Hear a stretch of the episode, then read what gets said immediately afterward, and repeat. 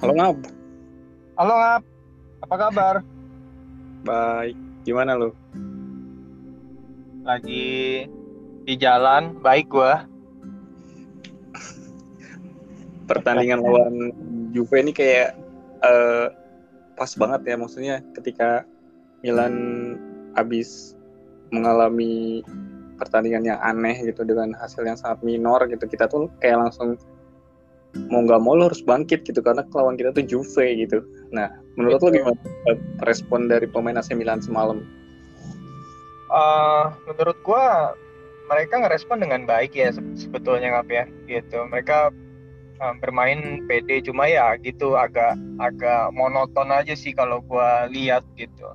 Dari beberapa sisi eh, yang gua lihat pemain Milan juga agak hati-hati Ngap gitu.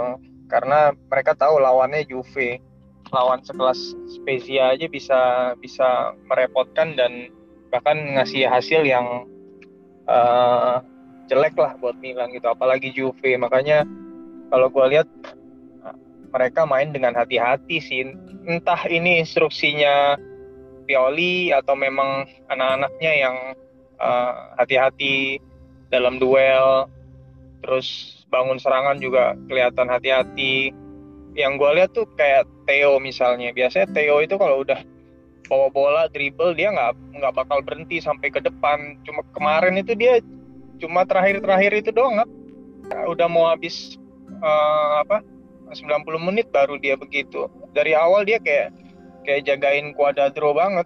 Jadi takut ninggalin posnya dia gitu. Kayak gitu sih ngap gitu Mungkin juga kalau Theo tuh eh, dia jaga-jaga juga karena kan kalau dia kena kartu dia bukan absen juga kan lawan Inter. nah iya benar. Takutnya biasanya kan dia kalau udah naik ke enakan gitu terus pas ngejar baliknya biasanya kan penuh dengan emosi dan semangat tuh. Biasanya suka tarik-tarikan gitu suka kartu kuning konyol aja ngap gitu. Apalagi kalau dia bener kena kartu kuning lawan Inter akumulasi lagi bahaya. Makanya yang gue lihat kemarin anak-anaknya mainnya de- penuh dengan perhitungan gitu. Hati-hati semuanya. Kecuali Tonali lah. Keragas banget Tonali kemarin. Si Tonali kayak bekerja sendiri ya di tengah karena Krunic kan lebih maju ke depan ya tapi kayak nggak kelihatan juga gitu. Iya iya, tapi Krunic bahkan ini sih ya, apa? eh gue lihat dia emang kayak kayak ya kita tahu lah Krunic ya kita udah sering bahas Krunic yang up gitu. Cuma dia maksud gua dia main simple sih. Dia dapat bola dia alirin lagi dengan seperlunya gitu ya tanda kutip seperlunya gitu. Ya. Bahkan menurut gua rating dia lebih bagus daripada dia sih semalam ngap gitu. Hmm, iya benar. Karena dia dia dia s- dapat bola berusaha ngelewatin pemain gitu ya, tapi banyaknya gagal gitu. Belum balik ke performa dia yang yang awal-awal musim gitu nggak. Kayaknya Hmm. yang gua lihat semalam cuma sekali deh dia ngelewatin siapa? Siglio ya, Siglio kayaknya. Yang lainnya tuh kayak aduh kayak eh, ngelewatin susah banget terus passing aja kayak kayak bingung gitu ya gitulah ngap kayaknya lagi menurun dia Iya, tapi eh, di sisi pertahanan kita emang main bagus ya. Eh, Romagnoli walaupun absen lama gitu, tapi dia kayak nggak kelihatan kaku banget kayak biasanya gitu. Sampai-sampai pemain Juve aja kan eh, statistiknya eh, no shoot on target kan. iya iya ya gue lihat eh, pertahanan Milan bagus semalam Kalulu main lugas gitu ya tenang Romagnoli juga tenang tapi eh, emang serangan Juve-nya bapuk juga ngap. Lu lihat aja mereka eh, apa ya kayak di depan kotak penalti juga kayak bingung mau ngapain mau ratanya juga gitu. Pas udah open shootnya jelek gitu. Terus eh, masih wantunya salah. Nggak- kalau untungnya mereka kayak lagi nggak nggak ini juga nggak lagi dalam performa terbaik mereka juga. Kalau lagi dalam performa terbaik ya agak ngeri-ngeri sedap juga sih tapi untungnya ya begitulah Eh, penyerangan mereka juga kurang di balai juga kurang nusuk kemarin gitu Iya, ini kayak pertarungan dua tim yang membutuhkan playmaker sebetulnya ya. Iya. Karena kan Juve juga kehilangan kreativitas ya di timnya gitu. Begitupun AC Milan gitu yang kayak mengandalkan Brahim Diaz tapi kayak apa ya orang yang belum siap buat diandalkan gitu. Karena kan kalau sebetulnya nomor 10 itu kan kalau misalkan dia nggak jadi penentu di satu pertandingan karena golnya, seenggaknya dia bikin asis gitu atau dia bisa uh, menendang bola mati atau eksekutor penalti pertama gitu. Tapi Brahim Diaz tuh nggak punya itu semua gitu. Jadi kayak iya betul. Kita itu pakai nomor 10 yang bukan nomor 10 gitu. Iya. Nomor 50 ya. kayak pemain Primavera. Aduh. Ya gimana ya? Makanya tapi manajemen pelit juga nggak gitu beli pemain nggak mau. Berharap iya. uh, Dias balik lagi ke performa terbaiknya gitu ya. Dipasang terus tiap minggu. Tapi harusnya sih ya pemain itu uh, bisa sih balik lagi. Kalau memang itu kelasnya dia nggak ya. Jadi kemarin-kemarin tuh kayak gue pas kita habis podcast gitu kayak gue mikir gitu ya. Awal musim kenapa Dias bisa bagus terus uh, setelah covid kenapa dia jadi jelek? A atau jangan-jangan memang bukan kelasnya dia di situ nggak berarti?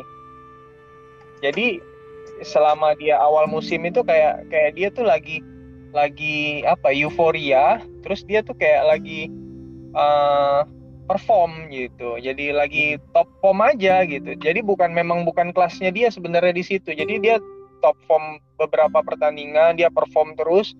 Kita menilai dia seolah-olah dia nih kelasnya nih bagus gitu. Tapi setelah covid dia absen nah di situ tuh baru ketahuan kelas dia yang sebenarnya itu ada di sini gitu. Jadi kita Milanisti seolah-olah berharap dia balik lagi ke ke performa dia yang sebelumnya ke kelas dia yang sebelumnya padahal bukan di situ kelasnya nggak gitu. Itu yang gue pikirin akhirnya gitu. Dan ternyata kayaknya sih ya pemikiran gue gitu nggak nah kalau kalau bener ternyata begitu ya harusnya manajemen udah udah bertindak cepat lah ya. Atau memang kalau mereka standarnya cuma di situ kelasnya playmaker untuk AC Milan ya udahlah memang ya sudah kita bakal bakal bergelut di perebutan peringkat 4 terus setiap musim gitu. Musim inilah yang pastinya musim depan kita nggak tahu kalau memang uh, untung-untung Milan datengin playmaker bagus. Gitu nggak ya. dan uh, selain Brahim Diaz juga di pertandingan kemarin menurut gue lagi-lagi Pioli itu kayak kurang apa ya kurang tepat buat menggantikan pemain gitu. Baik dari uh, timingnya gitu ataupun pergantian pemainnya gitu. Kayak kemarin pun si Sele kan apa ya kurang cepet gitu dimasukin. Karena kan uh, Mesias juga mentok ya buat ngelewatin si Alexandro gitu. Dan kayaknya yeah. Mesias tuh bukan seperti apa yang diminta akhirnya. Karena kan sebelumnya ekspektasi Maldini itu datengin dia tuh karena kita tuh butuh pemain yang bisa gocak-gocek one on one gitu lawan uh, back lawan tapi akhirnya Mesias juga malah main sebagai tim gitu kayak kayak Castileo lagi mainnya iya tuh Bangke bang, boleh ngomong kasar gak sih di sini? Gue lihat Mesias itu, aduh, dia beberapa kali kesempatan gitu duel sama Ale Alexandro. Tapi memang sih Juve itu kemarin padat nggak? Ini sebagai sebagai catatan juga buat kita nih nggak gitu. Jadi mereka yeah. tuh begitu udah di depan kotak penalti, wing kita, flank kita pegang bola, mereka tuh langsung double yang jagain. Yeah. Gitu. Sayap mereka turun, terus eh, back back sayap mereka juga ada di situ. Jadi ya ya memang agak susah sih. Cuma kita sebagai fans kan gergetan kan. Pengennya hmm. udah duel aja terus gitu kan. Duel tusuk kotak penalti siapa tahu uh, dapat penalti lah atau gimana yeah. lah gitu atau bisa crossing lah karena kita tahu nih kekuatannya Mesias gitu kan dan Leo lah kita ngomongin kiri kanan lah sekalian gitu ya. Leo ya Leo berani gitu beberapa kali duel gocak sana gocek sini gitu. Tapi ya umpannya kadang nggak bagus atau pas mau wancu nggak bagus. Dan akhirnya back pass lagi karena memang padat. Nggak gue lihat sih memang Juve itu main padat banget kemarin. Cuma Mesias yang yang sama sekali nggak berani duel gitu. Kalau iya. mendingan duel aja jatuh jatuh aja gagal gagal aja. Jadi ketahuan di mana nih kekuatannya si Alexandro itu back back musuh itu sampai mana sih kekuatannya gitu. Nggak ini nyoba aja nggak jadi kitanya gergetar. Hmm. ini mah pas gue nonton ya sama kayak Lord kita kasih Leo kalau begini mah. Dribble dribble dribble balikin dribble dribble dribble back pass. Aduh. Gitu. Kemarin itu apa si duet Cielini sama Rugani juga bagus ya. Sesni bagus. juga mainnya juga bagus gitu. Bagus bagus bagus. Rugani itu itu ya.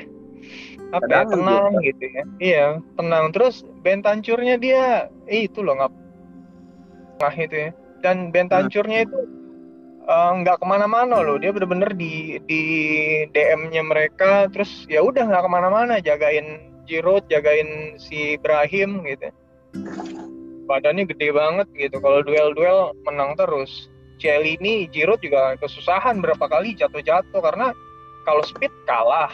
Kan kemarin sempat dibalap kan dia sama siapa ya? Mesias ya atau sama siapa gitu. Cuma di cover lagi sama Alexandro gitu. Thank you kan ke si si Alexandro Celini. Tapi habis itu beberapa menit kemudian ya begitu Giroud terima bola mau uh, seolah-olah mau jadi wall tapi ya dibantai sama Celini gitu ya. Kita tahu Celini tua-tua gitu 38 tahun ya. Tapi ya pengalaman dia ya segudang gitu. Walaupun speednya lambat tapi kalau urusan duel lawan satu lawan satu gitu sih ya susah gitu. Karena pengalaman dia kuat juga. Rugani ya back back muda dan bagus juga gitu. Ya kita dapat lawan yang bagus lah jadi menurut gua di perburuan Scudetto ini walaupun mengecewakan gitu ya seri rasa kalah sih menurut gua. Ya satu poin berharga sih gitu. Iya. Namun uh, agak disayangkan ya karena si Zlatan malah cedera katanya kan walaupun uh, belum diketahui berapa lama dia bakalan absen. Karena iya, kan katanya apa? Uh, lututnya sakit katanya. Karena rumputnya terlalu keras apalagi kan uh, 24 jam sebelumnya habis dipakai Inter juga kan lawan Venezia gitu. Kayak aneh aja gitu satu kota Milan tapi dalam satu giornata mainnya kandang dua-duanya gitu. Nah itu dia tuh um, apa uh, ngatur home away-nya agak ngaco ininya FIGC-nya ini yang jadwalin. Ya harusnya otomatis harus home away home away cuma mungkin karena yang itu kali Inter ada tunda itu kali ya. Iya mungkin bisa. Iya mungkin. Tapi ya begitulah. Nah itu jadi jadi itu juga tuh. Lapangan yang keras terus lapangan latihnya di Milanello katanya keras juga jadi bikin suka pemain kita tuh cedera nggak ototnya mungkin pada pada lelah banget gitu ya. Karena kalau pijakannya keras begitu ya pasti badan sakit semua sih otot sakit semua ngap gitu. Apalagi Ibra udah berumur ya. Iya. 40 ngap. Iya. Iya. Udah kakek-kakek bentar lagi. Masih main bola. Mainnya di Eropa lagi di Milan lagi kan. Kan statement ya katanya uh, kalian bisa lihat uh, biasanya orang-orang seumuran saya itu mereka sedang uh, merokok di rumahnya lalu sedang menikmati masa karirnya sebagai pesepak bola gitu. Tapi saya belum uh, ingin untuk melakukan itu katanya gitu. Iya. Belum siap ya buat uh, cerut apa uh, menikmati cerutu di rumah ya. Iya, iya. dan kemarin uh, Castillejo absen ya karena alasan teknis. Ini kayaknya indikasi buat dijual nih kayaknya bisa jadi mungkin ada ada tawaran uh, udah konkret kali. Dalam waktu dekat biasanya kan pemain begitu kan. Apalagi ini lagi lagi uh, apa sih jendela transfer ya kan? Uh. masih sampai tanggal 31 kan kap? Iya. Iya makanya ya bisa jadi ada tawaran jadi dia nggak dimainin dulu. Gitu. katanya Sampdoria sama Espanyol berminat oh Sampdoria. Pemain muda yang baru gimana nggak? Udah intip-intip belum? Bagus nggak? Itu pemain muda asal Serbia 18 tahun dia tuh main di tim utama Red Star statistik statistiknya bagus sih dia maksudnya Oh, uh, iya, iya. ada selevel Colombo tapi emang kayak uh, punya potensi besar gitu jadi dia tuh asetnya Red Star gitu Oh, Serbia ya? Serbia ya? 18 tahun kan Pellegrini aja yang mau dilepas 20 tahun kan tapi cedera gitu Iya, tapi Pellegrini sih ini ya kasihan juga cedera terus 20 tahun. Belum di Milan belum ada gol sama sekali. uh, 6 match doang dia Iya, makanya cuma 6 match masalahnya gitu. Kalau ya pemain muda begitu ya bisa mungkin satu musim jadi pilihan ketiga main 15 match begitu dapat dapat 3 4 gol di musim pertama sih sebetulnya udah udah oke sih gitu nggak tapi ya udahlah pilihan manajemen memang kalau gue lihat kalau dia bergelut sama cedera terus ya ya susah juga buat klub gitu. Jadi ya mau nggak mau ya lepas aja gitu. kalau ternyata di pemain baru ini bagus ya kenapa enggak? Nanti Colombo juga kan depan lebih matang tuh main terus kan di Torino. Eh Colombo di mana nggak Colombo tuh di Spal. Spal ya Spal.